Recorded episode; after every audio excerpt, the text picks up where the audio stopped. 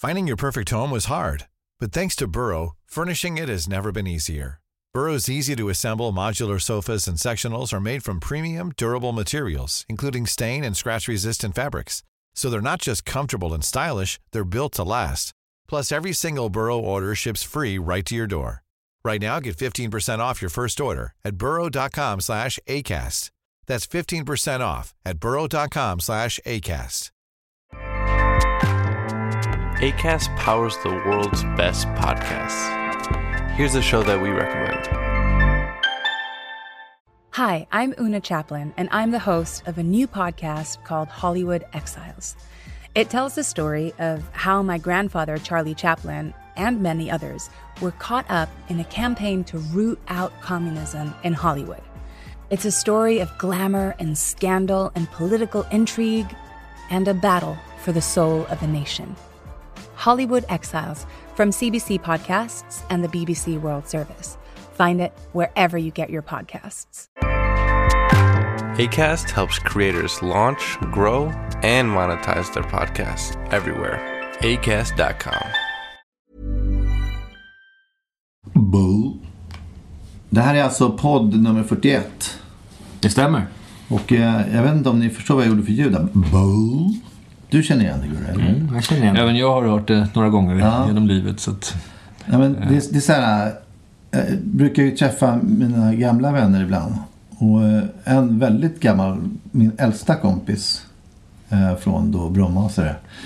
Han, han, alltid när vi får syn på varandra så kanske jag säger så här, tjena, tja, och så säger han boo. Eh, och det är ju ett uttryck för avsmak liksom. Japp. Och det är ju inte så trevligt. Men det är en så kallad jargong som Ja, du det är har. en liten jargong där. Den är inte alltid så kul faktiskt egentligen. Och jag menar, det är klart att jag säger ju boo till honom eh, nästan lika många gånger bara för att ge igen om inte annat. Men om du fick välja, skulle du ta bort boet då eller? Nej, jag älskar booet. Ja, okej. Alltså, det, där, det där bowet kan också figurera när man kommer med ett förslag. Rätt ofta. Ja, Ska inte, kan inte göra så här, så här. Boo. Boo.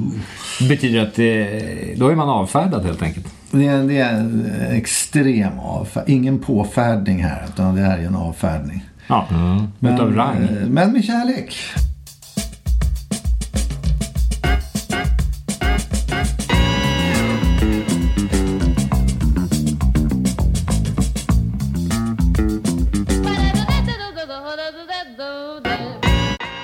Var ligger kärleken i boet? Du måste ju nästan förklara. Det är...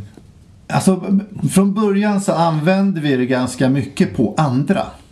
Att man pratade om liksom sådär slöjdmajen. Bo. Inte så trevlig skjortan har du då. Bo. Nej, bo. Och så skrattade vi väldigt mycket åt det. Så att så småningom kommer boet att rent kroppsligt förknippas med ett efterföljande skratt. Och, och, och efter ett tag så är det lite svårt att skilja det där liksom åt.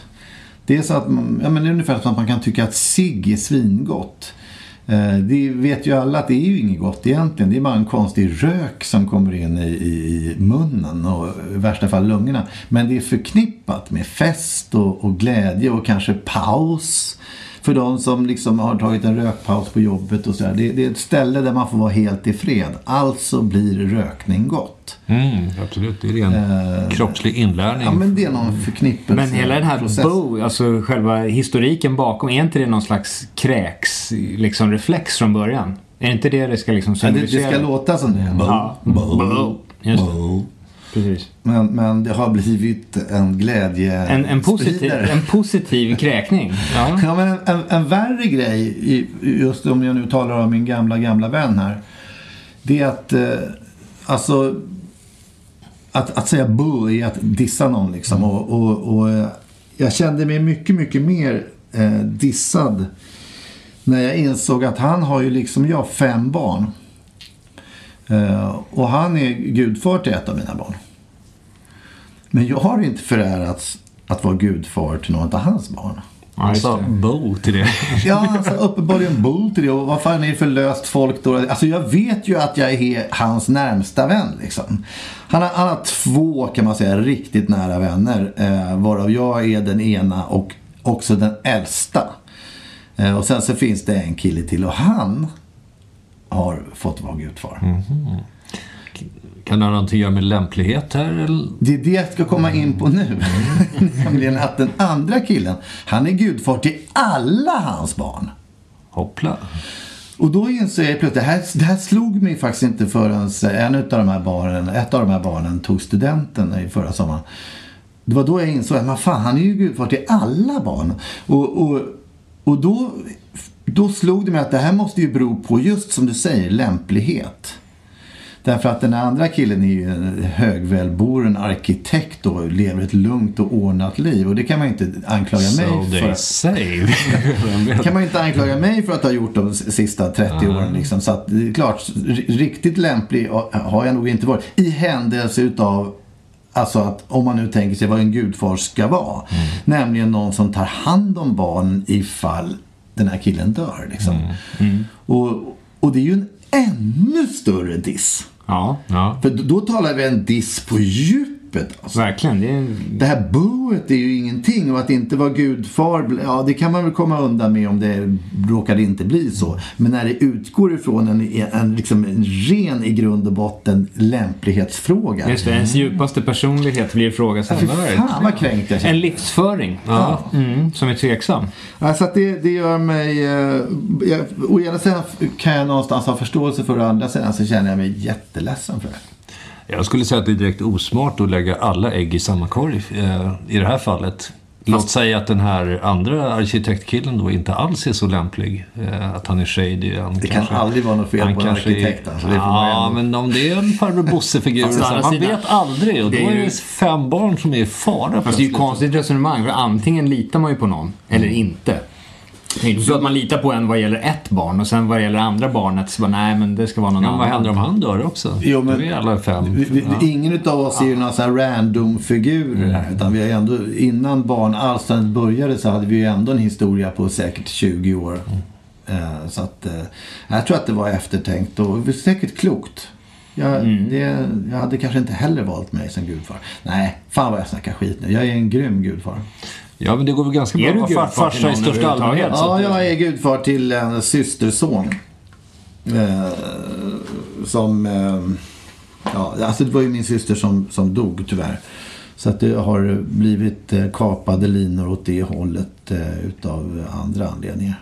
Men, eh, men så som varandes en person som eh, ägnar mycket tid åt barn så och dessutom är ju folk vuxna. Jag tror gudfar gäller bara fram till att de är, blir myndiga helt enkelt. Är det så? Fan, Sen, det- sen upphör gudfader. Fan, Det slår mig just nu fan att jag är ju gudfar till min halvlillesyrra. Det var ju obehagligt att komma på så här nu. Det Jag är, lite, det är lite snudd på incest.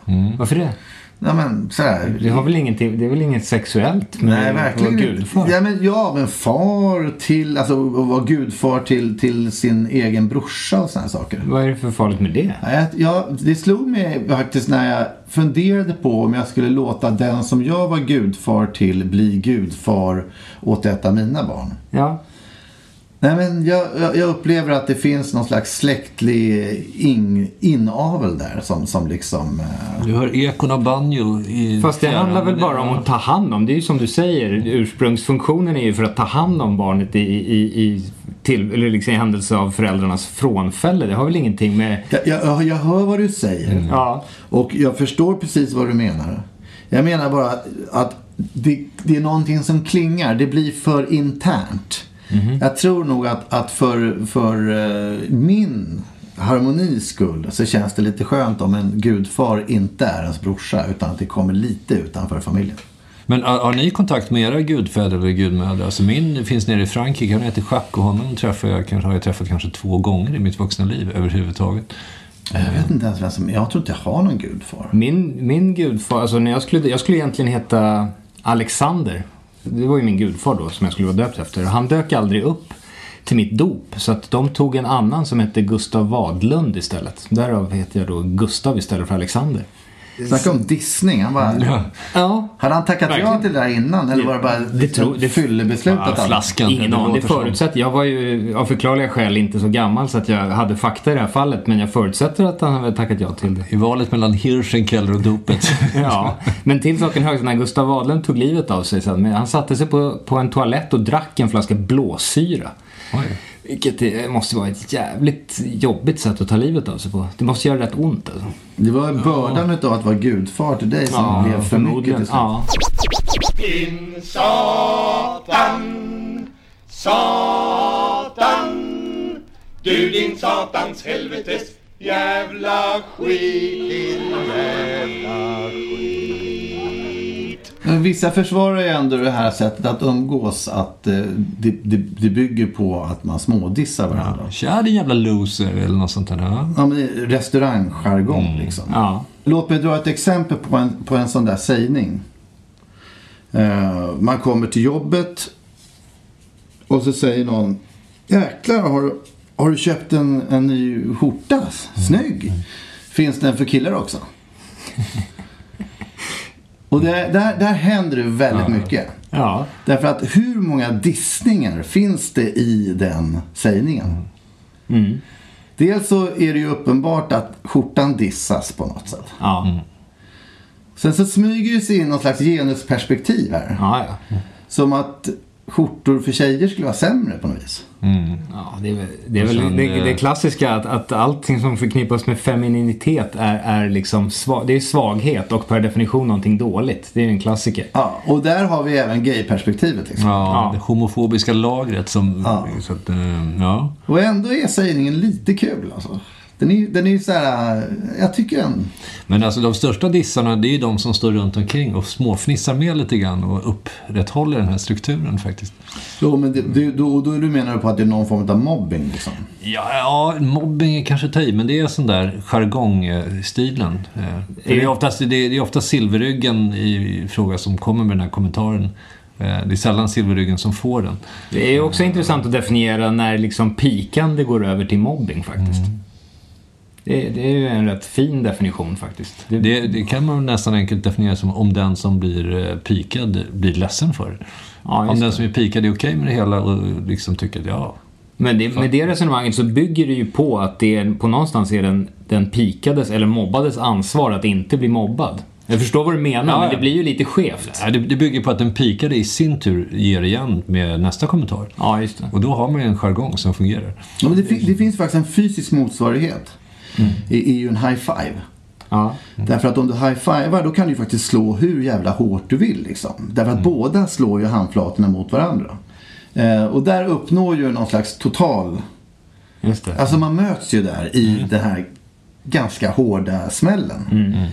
Eh, och, och har man det som en sinnebild för hur såna här dissningar ska fungera så, så är det lättare att fatta när man, vem man ska pika och när. Just det. Problemet är ju att, att liksom i, en, i den där high five situationen så måste man ju vara överens om styrkan i slaget gemensamt eftersom det sker i samma ögonblick. En pik kan du ju alltid vända, den får du ju och så kan du, ge- då kan du ju värdera den och ge tillbaka med, i samma volymstyrka så att säga. Nu att man pratar inte samtidigt när man pikar varandra och med lika höga röster. Exakt. Det är det som Ja, är det är grejen. sant. Där kan man göra den obesvarade high-fiven också. Så den här underbara scenen med den här bollkallen som ska... Steven Gerrard vill göra high-five med honom, Liverpool-spelaren, och han drar undan och gör en sån här. eh, Kammar sig i Ja, kammar sig i håret gest, ja, Inför alla tv-kameror i hela världen. För att han då var, jag, jag kommer inte ihåg om han var Everton-supporter eller något sånt där. Uh, Steven Gerrard, Gerrard tog det ganska bra och garvade men jag tror att han blev rätt uh, lack faktiskt. Så att, Det är, alltså det är den totala mixen utav en high five och en peak. mm, den obesvarade Där, där, high-fiven. där, där glider de ihop liksom. Ljudlöst. goes to shake hands with Gerard, and then gives it that. Let's have another look at that. One of the greatest players in the world. He gives him a cheeky little wink then. Det absolut enklaste nu för tiden det är ju att, att gå på Trump. På ett annat sätt. Då är ju alla såta vänner med en gång. Och det föranleder mig att lyfta fram här nu en liten Trump-situation. Nämligen, det florerade på nätet ett tag, eh, eller gör fortfarande, en, en, en scen när Trump ska installeras på ja, Kapitolium, Vita huset, skitsamma. Men limousinen åker fram. Och eh, där handlar det om hur, huruvida han visar respekt för kvinnor eller inte. Och i, ena, i andra bilden ser man hur Obama installeras. Ja, sett det, ja. Så att i, i, i Trumps fall så hoppar Trump ut ur limousinen. Kliar sig lite i röven och går upp för trappan och går rätt in. Liksom. I andra fallet så ser Obama som hoppar ut. och gör en sån här liten flott gest. Varpå Michelle kommer.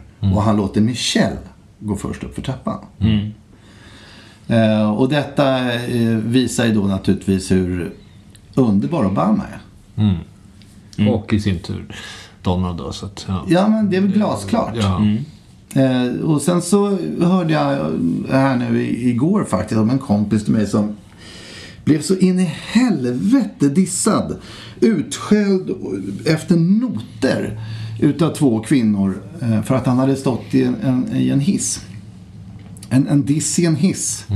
Eh, helt enkelt. Och, och eh, när han skulle gå ut ur hissen så gav han plats åt damerna. Eh, var på de blev skitsneda därför att han så att säga förolämpade deras kön genom att på något sätt med sin gentila gest eh, påvisa att de skulle behöva hans hjälp eller att de på, liksom på något vis så att det här det som då han uppfattade som bara ren artighet blev vänt till ett slag i ansiktet på dem utifrån vad de då kände i den här situationen. Och det förvandlar ju då den här Trump-videon på något sätt till, till det ger ju ett, kastar ju nytt det ljus gör över den- ju Obama till patriarkets repressiva förtryckare. Så att, eh, men då, enligt den tankegången, så borde ju de kvinnorna älska män som slår ner kvinnor och barn och sen lämnar livbåten. Ja, men det är nog att- Titanic i livbåten. Nej, men det är nog att gå för långt. Ja. Därför att jag på sätt och vis ska hålla med de här kvinnorna lite grann. Därför att jag kan också tycka att, att, att det här med att på något sätt vara en man som öppnar dörrar och ska betala notan och sådär. Det, det är ju självklart trevligt. Men Jag är ju gammeldags liksom. Men jag kan också förstå att det kommer en, en ny tradition där kvinnor kan känna att vad fan, jag behöver inte få min nota betalad. Eller jag behöver inte få någon jävla stol utdragen åt mig. Men alltså det är ju bara vanlig artighet att hålla upp dörrar och göra saker. know. Och jag blir lika glad om en kvinna I håller upp know. dörren åt mig. Ja, vem ska vi skjuta på? Nej, men jag, jag, jag försöker bara jobba min, med min empati här. Ja. Jag, jag vill förstå alla parter liksom. Ja, ja, jag tycker det låter helt wacko hela grejen. Fast det är återigen, nu, man kommer i sån här resonemang där man liksom inte, det bara rinner ut i liksom en Ja. sand. Man kan ju inte ta kan ställning inte, för du någon. tycka, alla. du, kan inte du ta ställningar för de andra nu? Så. För vilka andra? Vi har ju redan Ja, tagit ställning för alla.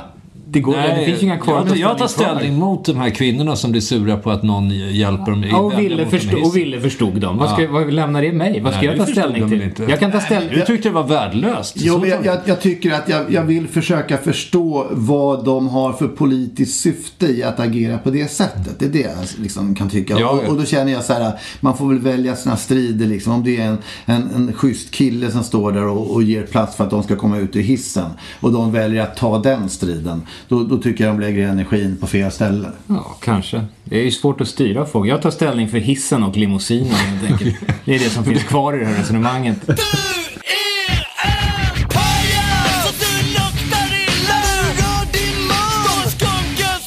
Jag är beredd att ta ställning för mig själv här lite grann. Därför att jag kan känna att jag kan bli eh, otroligt onödigt dissad i en väldig massa sammanhang.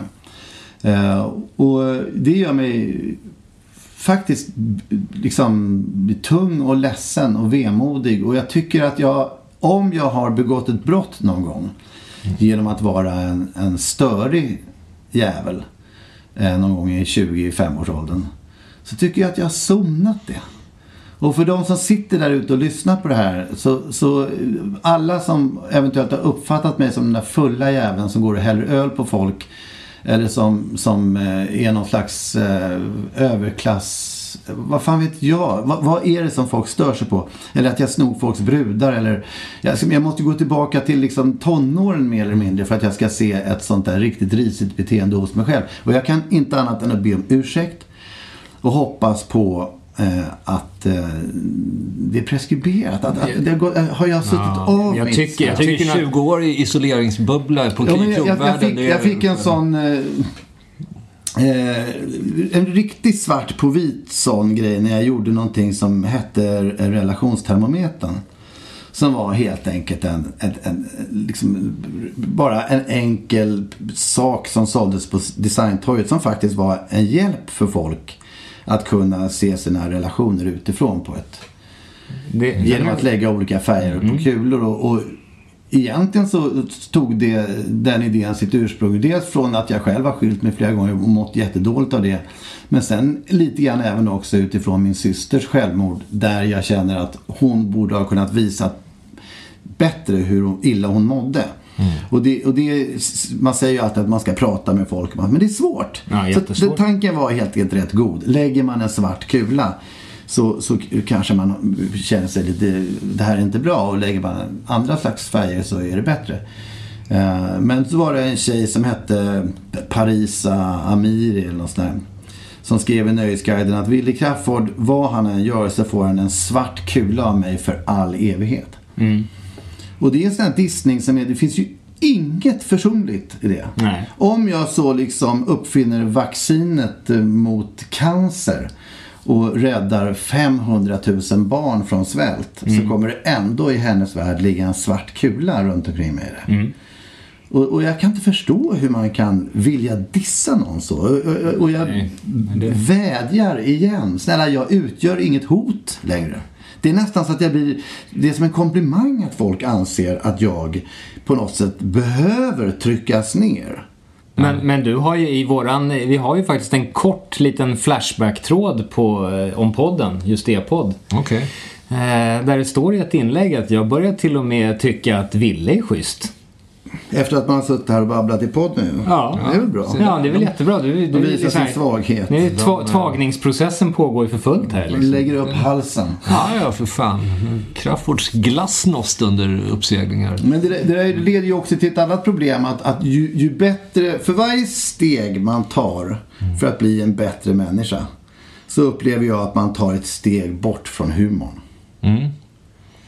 Nej, men alltså den, den eh, perfekta människan, snälla och vänliga, har ju ingen humor överhuvudtaget. Nej men exakt. Och det eh, blir lite, ska man eftersträva det? Men jag kan inte ersätta det, för det där, det där tror jag nog är en liten konflikt som vi kan ha, liksom att det skulle vara något humor. Jag, jag kan ju nog se att det, jag vet inte om man behöver vara så jävla rolig hela tiden heller. Jag har ju återigen liksom Tom Waits som någon slags idol. Han det är ju ingen skrattfest. Det är ju inte roligt någonstans. Det är bara det att det är så jävla bra och intelligent och skicklig. Ja, sådär ibland. Ja, men ibland live. Jag vet inte om du har hört de där Jo, tidigare fan.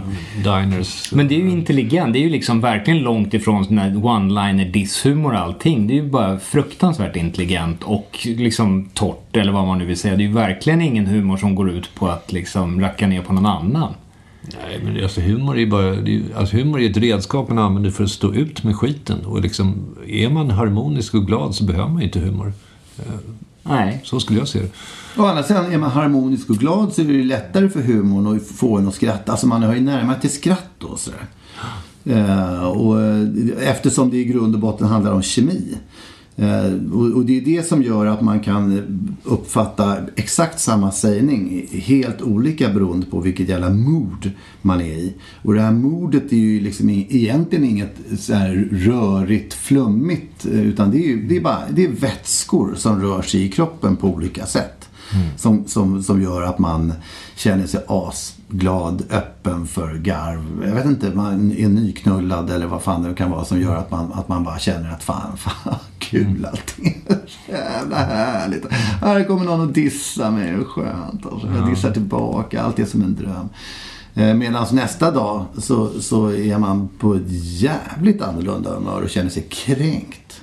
Problem- Absolut. problemet det, är- Står man med en Grammy-statyett i näven och någon kommer fram och säger “Tja din jävla loser”, då är det ju rätt lätt att ta den. Eh, Men om man däremot eh, skulle jobba i kassan på ICA eh, Punkt, punkt. Inget fel i det och så alla disclaimers och sådär. Men det är ingen som säger att man är en loser när man har 10 Grammy-statyetter i handen liksom. Nej. Utan det är när man har ingenting i händerna som säger att man är en jävla loser. Det är taskigt. Vilket också stämmer.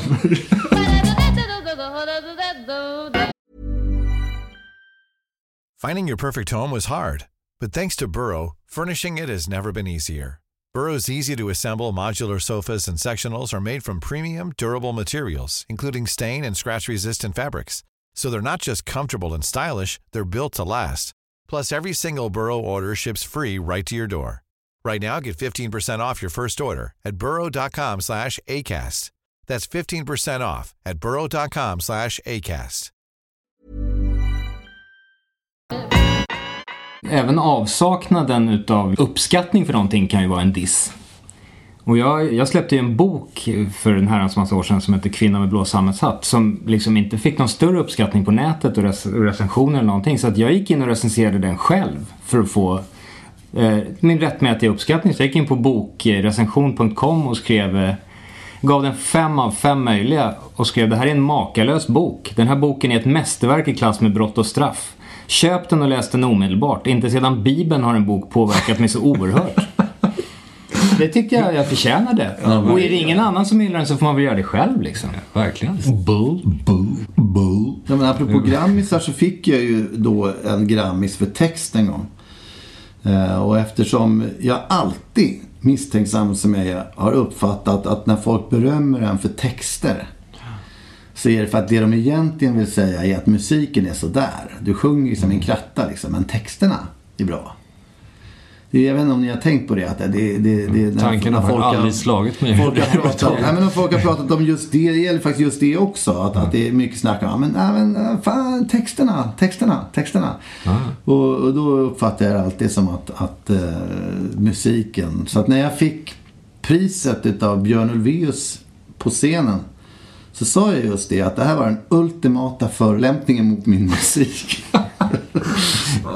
Fan, jag blir- bekymrad när jag hör det här. Varför kunde du inte bara vara glad? Jag var glad. Jag har faktiskt Det var sagt så. på skoj och jag tror att Björn eh, förstod det också. Även publiken. Nej, men jag tänkte om det faktiskt var så på allvar att det fanns en sån här sorglig liten känsla av att... Nej, det var, det var ett så kallat skämt. det var det. Och det gick ju uppenbarligen inte fram nu. Men, men då gick Nej, men du la fram. det på ett sätt som att det här rörde ett, ett vacklande självförtroende Ja. kring sånginsatser och annat. Så jag tyckte Jo, vi, alla började skämt- skrapa på något alla intressant här. ska ju ha ett allvar i botten. Mm, så är det absolut. Det är, ju- det är ju definitivt så. Rogge? Vi spelar i Korpen som är den sämsta ligan som finns. Vi spelar i den sämsta divisionen. Vi ligger sist och du är sämst i laget. Fattar du hur dålig du är Rogge? Jag skulle vilja spela upp en liten snutt från jazzgitarristen Diss Disley.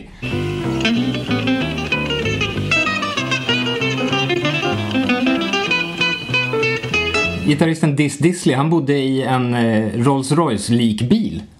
Där han hade en säck morötter och en juicepress i bakluckan för han trodde att eh, morotsjuice upphävde effekten av alkohol. Som han drack rätt mycket. Morotsjuice är bra. Är det det? Men upphäver det verkligen fylla? Det kan det inte göra. Ja, den allra bästa juicen är ju rödbetsjuice. Och rödbetsjuicen, eh, tätt följd av morotsjuicen, är ju, det sker ju underverk med dessa glatt färgade drycker. Så att det, det förvånar mig inte ett dugg att, att likbilstillvaron kunde piggas upp med dessa droppar. Jag tar in all information som Dis Disley delger oss här. Ja, du, det är... Nej, men jag ringde upp min moster som är så här, riktigt duktig språkforskare. För att härleda liksom just eh, prefixet dis. Eh, som ju har då eh, ett latinskt ursprung. Eh, och eh, det är ju liksom ett, ett litet prefix som betyder isär ungefär. Att man, man distribuerar eller dissekerar eller Ja. Disorganized. Ja. Så att, ehm, den, det, och det används ju liksom för att, så att säga, som dess också. Att man, att man pajar ordet som kommer efter. Det vill säga orienterad, desorienterad. Mm. Och då är frågan man sig om hur det känns att vara perat. För det är ju inte alldeles härligt att vara desperat. Ja, just det. Det, att dissa är väl ändå, jag tror att det står, står inte det i Svenska Akademins ordlista idag? Det kan jag mycket väl tänka mig. För där, det, det har jag ju liksom ett, i ganska färskt minne när vi helt enkelt bara rippade från engelskan, pang bom och la in det i vår egen text. Vi var nog hyfsat tidiga där om vi ska vara skulle lite... säga att just vad det gäller dissa var vi först liksom. Ja. Och eh, det är väl ingen som bryr sig om det idag. Vikten utan att förvissa sig om att inte missa de kvaliteter de flesta har så håll ihop i vår kommentar. Jag vet inte om du kommer ihåg den här filmen eh, Brubaker. med Rob Just det, Redford. fängelsefilm va? Ja, men där, Ja. I och med den filmen så uppstod ju den så kallade Brubaker-applåden. Och Brubaker-applåden, eh, den ger man ju egentligen inte till någon som bara har gjort någonting väldigt bra. Utan man ger den till någon som har gjort någonting jävligt bra fast under lång, lång tid utav motgång. Alltså någon som har blivit dissad. Som i, i filmen-fallet så var det ju dels både fångarna tyckte han var en sprätt i början. Och framförallt fängelseledningen när de såg på hans nya mer sociala sätt att se på fängelsevården. Alla var emot honom. Men det genomfördes en hel del bra, saker under hans tid som fängelsechef. Och så när han lämnade fängelset ja, men så var det en av fångarna som till slut reste sig upp och drog igång den här långsamma applåden och andra började slå i, i, liksom i, i gallret och, och visa sin respekt på det här sättet. Därför, och det, det, tror jag, det kan vara värt att ha med sig om man, om man upplever att man dag efter dag, vecka efter vecka blir dissad. Så väntar det kanske en Brubaker-applåd där framme någonstans. Du tänker på oss i det här fallet, eller? Det är fint att tänka på. Det är härligt att du tänker på oss hela tiden Peder. Men, men, Ja, jag- men, eh, jag jag, vill, jag, eh, vill, jag vill verkligen omfamna hela befolkningen med, med detta resonemang. Jag tror att det finns många som förtjänar en Brubaker-applåd, verkligen. Det, det är ju det. Andra fina diss-scener i filmhistorien. Undergången. Där har vi ju Bruno Gans Hitler. Den har ju faktiskt eh, bildat skola, måste jag säga. Det är en, en imponerande filminsats och göra en scen som sen kan användas av alla över... Vad, men vad, gör, Just det, den vad, gör, vad gör Hitler? Han skäller ut hela tyska folket för att de är veklingar. Och, det börjar väl med att det är någon general där som förklarar att det finns ingen fjärde armé. Nej, precis, precis. Han sitter fortfarande tror två månader innan krigsslutet att han, att han ska vinna. Väldigt många oroliga människor som... Det är väl i stort sett alla känner till den här, men jag tycker det är imponerande då att en scen kan få en sån enorm impact så att den kan användas till allt. Men just att det är på tyska, det är ju bra också. Alltså, om man ska skälla ut folk så är ju tyskan oefterhärmligt bra. Framförallt är det ju bra för man måste skrika. Man kan inte tala tyska i normal samtalston. Tyska måste nästan skrikas för att, för att liksom nå sin fulla potential. Jag blir så här otroligt ledsen när jag tänker på eh, en gång när jag var och såg på en film tillsammans med eh, min vän Tomaten. Vår vän Tomaten. Och det var den här filmen Master and Commander. Mm, Russell Crowe. Och eh, det var inte så många människor i salongen liksom. Utan vi, vi, vi, vi, vi tappade lite grann känslan för tid och rum. Så vi började skratta åt den här filmen och fruktansvärt. Alltså vi hade så ofantligt roligt.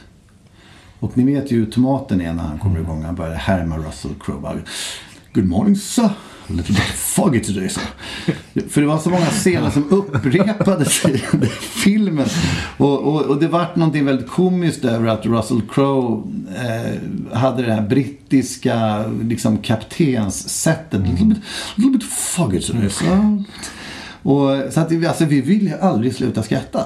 Och, och, och vi, vi sänkte den på det ena och det andra sättet. Och jag måste verkligen lägga till här att jag har ju sett den här filmen flera, flera gånger efteråt. Just för att den är så bra. Den är fantastisk. Och i synnerhet när man ser den kanske med en tioårig son eller något sånt där. Därför att den innehåller ju både liksom fartyg, kanoner, öar, världshav, spännande sammandrabbningar och fina eftertänksamma idéer om världen och stora perspektiv och sådär. Det är fortfarande, it's a little bit foggy. Men, men eh, jag inser nu att när han sitter där och spelar fiol, eh, Russell Crowe, så är det inte alls egentligen så roligt. Det är bara det att det är jättefint. Men jag och tomaten, vi hade så... Alltså, Men garvar du fortfarande efteråt när du ser den? För att du kan... Nej, du nej, kan- inte alls. Utan jag skäms. Så jag ska berätta anledningen varför. Därför att när ljuset tändes och jag torkade tårarna ur mina sönderskrattade ögon. Eh, så såg vi att snett bakom oss satt en pappa med sin tioåriga son. Och jag insåg att ja, plötsligt så växte det fram en hel historia kring den här pappan kanske bara träffar honom var 14 dag eller någonting. Och då skulle tillsammans gå och se den här fina filmen. Han har längtat. Alltså, And you fucking... Två stycken vidriga 35-åringar sitter och bara garvar skiten ur filmen i en och en halv timme. Nej, det, var, det kändes inte bra. Så när pappan, han, han bara tittade på oss lite grann med, Lite den här, ja. nej, med den här känslan av att kanske en dag ni kommer fatta det här. Men det- det här tog mig direkt tillbaka till när jag själv var 10-12 år och då gick ibland på bio med min egen pappa. Och då tog jag han ju med mig på motsvarande sådana filmer. Och, eh, vad det nu kunde varit, någon, någon Hitchcock eller något sådär. Eh, och det var ju en, en situation där vi, jag såg ju honom ännu mer sällan. Det hände ju kanske en gång om året att han tog med mig på film på det sättet. Och, och jag kan ju verkligen eh, återskapa den här eh, korta, korta stunden man har tillsammans för att hitta sin gemenskap. Och, och, och, och, först då utifrån perspektivet att jag är tio år och där sitter min pappa. Med allt vad det innebär av en, en fadersgestalt och hur han luktar, hur han eh, flyttar på sig, hur han tittar på mig ibland lite oroligt för att se om det är rätt vald film och sådär. Och jag tittar ju upp på honom ibland också. Och jag ska inte efterkonstruera och säga att jag hoppas på att, man ska, att han ska ta min hand eller sådär.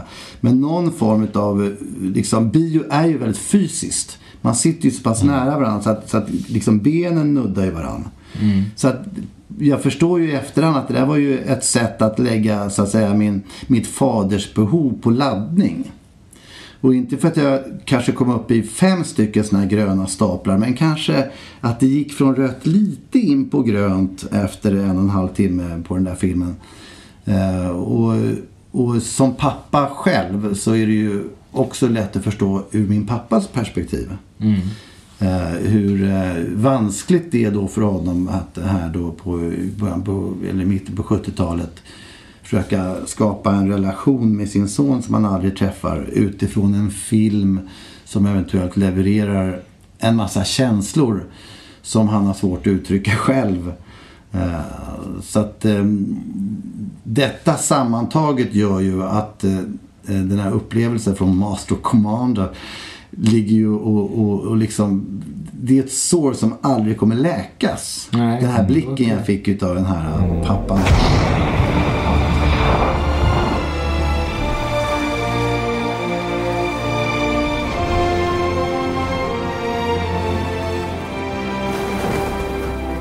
right, lads.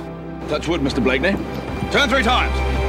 May the Lord of Saints preserve! Så jag måste ju säga att den bästa dissaren finns ju kanske i fotbollsvärlden i form av Sir Alex Ferguson som gett upphov till uttrycket hårtorken. Och då förstår det... Är det, här, är det därifrån det kommer? Ja, det är därifrån det kommer. Jag vet inte ens vem det är. Eh, han var eh, tränare för Manchester United, eller han var liksom den som styrde allt i Manchester United under typ 20-25 år. Eh, och han är fruktansvärt argsint skotte som eh, då skällde ut spelarna i omklädningsrummet. Vilket skapade uttrycket the hair dryer. Alltså han skäller så starkt så att håret okay. blåser åt sidan. Men är det inte så att just Manchester kan vara själva epicentrum för liksom utskällandes, dissandes. Det, liksom, det, det känns som en vulkan. Där all form av sån liksom eh, mänsklig eh, frustration skapas. Men så, när till och med en, en, person som Wayne Rooney är rädd eh, och det är ett flertal andra också som har fått känna på det här. Så. Jag blir rädd när du berättar om det. Ja. Men ja, apropå ja. Alltså, ursprunget på städer så då får vi ju inte glömma staden i Norfolk, Diss. Ah, ja. det finns en sån också. Det finns en stad som heter Diss, 7500 invånare. Kanske där som Sir Alex är född från början. Ja, det ligger inte i Skottland mm. i och för sig. Men det är fint, men att vara så pass arg som man skapar ett eget uttryck i form av hårtorken, det tycker jag är imponerande. Men jag tror ja. att det finns en sån här scen med, med uh, Beppe Wolgers uh, i, i någon sketch från 60-talet uh, där han agerar tillsammans med han... Dan Ekborg? Ja, hans farsa Lars Ekborg. Ja, just det. Lars Ekborg. Eh, och eh, Lars Ekborg går fram och, och börjar dissa Beppe för något nummer han hade gjort. Och Beppe i sin tur är i färd att göra ett nytt nummer. Eh, med en såg. Så att jag gjorde direkt kopplingen bara här och nu att undrar om det inte därifrån uttrycket såga kommer. Då har vi ytterligare en liten etymologisk eh, detalj. Ja, det, det, jag tycker vi ska utveckla forskningen på det. Och är det någon som hör det här som har någon annan idé om var uttrycket såga kan komma ifrån så, så go a fucking head. Ja, nu är det dags för mig att visa ett ganska originellt tricks här. Jag tänkte såga av Lena Hanssons högra ben. Det låter mycket värre än vad det är egentligen därför att eh, det är ett trick som jag lärde mig i Tyskland. Och, eh, ja, vad är det? Har du skrivit det där numret som vi hörde nyss? Har jag gjort.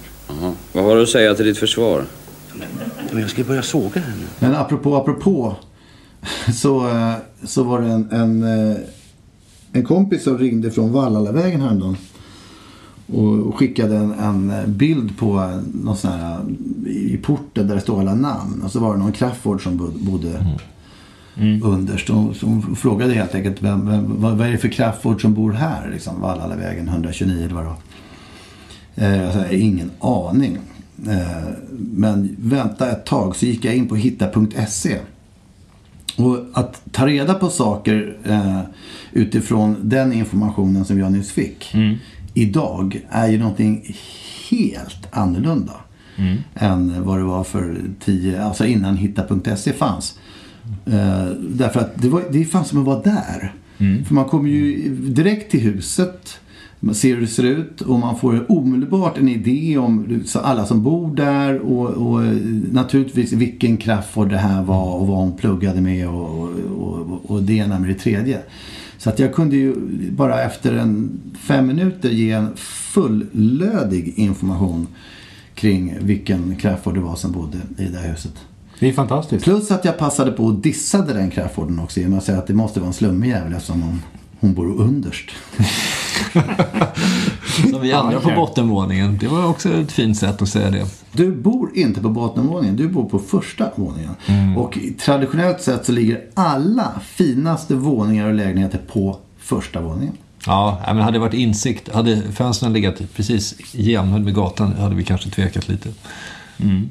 Så att eh, jag accepterar den här fina Men vi hade, ju, vi hade ju en diskussion apropå hitta.se huruvida deras telefonspärr funkar på iPhone.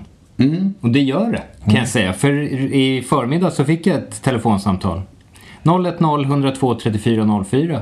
Men då måste du ha uppdaterats. Ja, vet inte, ja, hitta.se spärrat av telefon. Det telefonförsäljare spärrat. Man slipper svara på skiten. Äntligen, Så att det funkar. äntligen, Det är svinbra. Och Ja. det är otroligt bra information för mig också. För jag trodde att det funkade på alla andra eh, telefoner utom just eh, iPhone. Nej. Och det låter ju som att eh, där är det inte Hitta som har ryckt upp sig. Utan de var bra redan från början. Utan det är iPhone som har ryckt upp sig. Kan vara så. På hitta.se. Hitta.se. Hitta.se. Jag känner att, att innan vi avslutar det här programmet så, så vill jag dissa er. Eh, därför att jag har vid något tillfälle sagt att, att eh, vi ska hjälpas åt. Att eh, lyfta upp eh, liksom lite mer varierande låtar på Spotify-listorna. Eh, så att det inte bara Jul igen ligger överst med Tre Gringos som stark tvåa. Och då föreslog jag eh, väldigt enkelt att man, att man sätter eh, en låt som man gillar på repeat. Särskilt när man reser bort då, vad fan som helst. Liksom. Att man rullar och rullar och på så sätt har jag ju kunnat sparka upp skiten. Men jag såg entropi var uppe där och smög. Och så. Verkligen. Jag, jag har liksom kunnat sparka upp den ena låten efter den andra. Och när låtar väl kommer upp.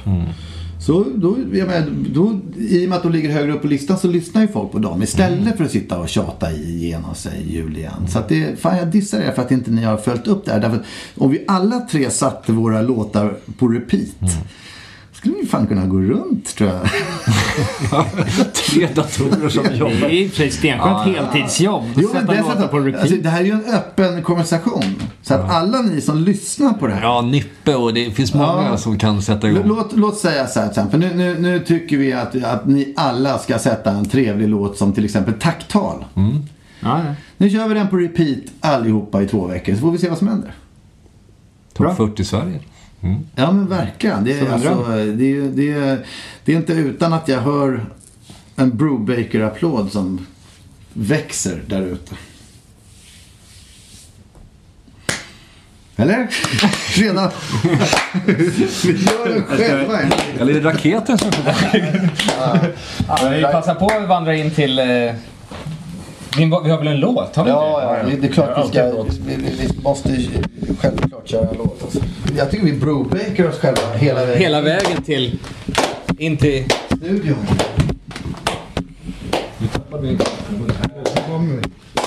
Oj, oj.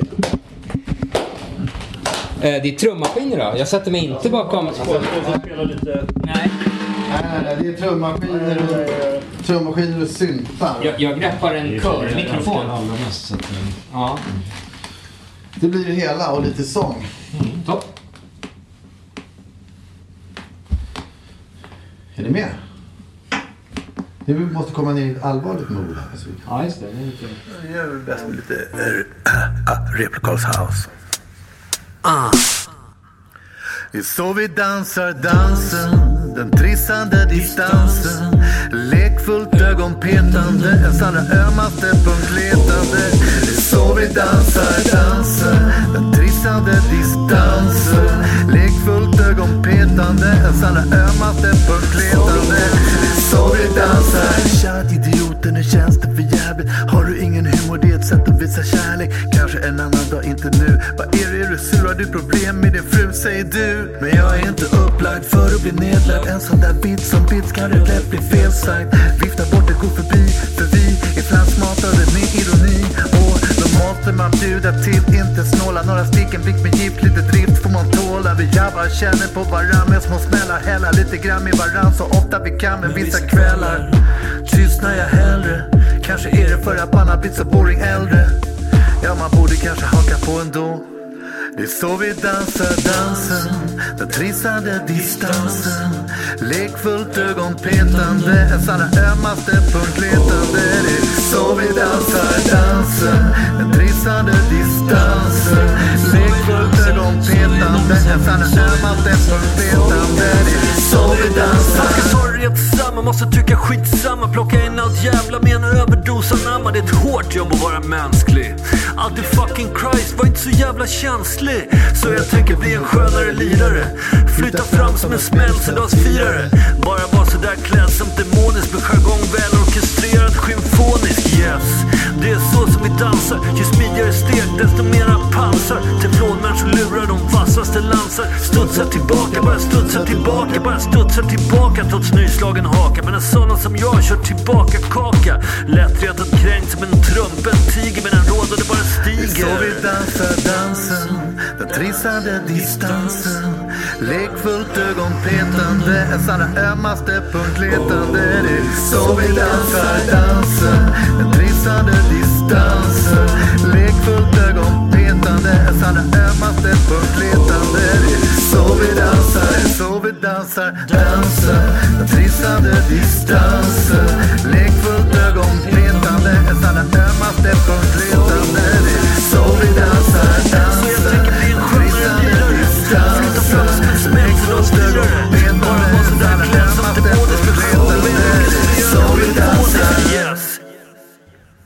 Oh yeah. Känslomässigt. Och vad kan vi annat göra efter det? En blowbreaker.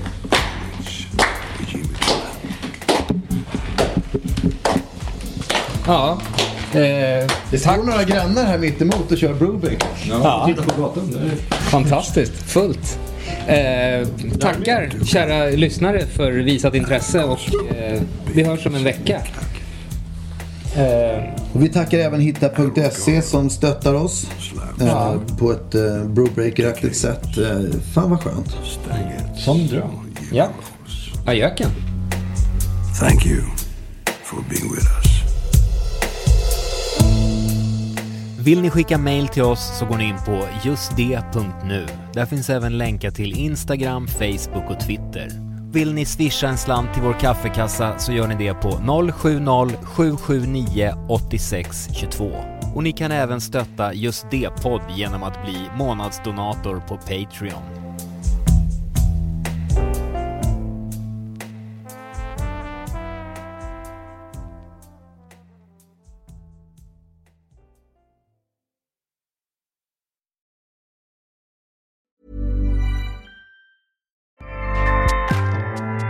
ACAST powers the world's best podcasts. Here's a show that we recommend. Hi, I'm Una Chaplin, and I'm the host of a new podcast called Hollywood Exiles. It tells the story of how my grandfather, Charlie Chaplin, and many others were caught up in a campaign to root out communism in Hollywood. It's a story of glamour and scandal and political intrigue and a battle for the soul of a nation. Hollywood Exiles from CBC Podcasts and the BBC World Service. Find it wherever you get your podcasts. ACAST helps creators launch, grow, and monetize their podcasts everywhere. ACAST.com.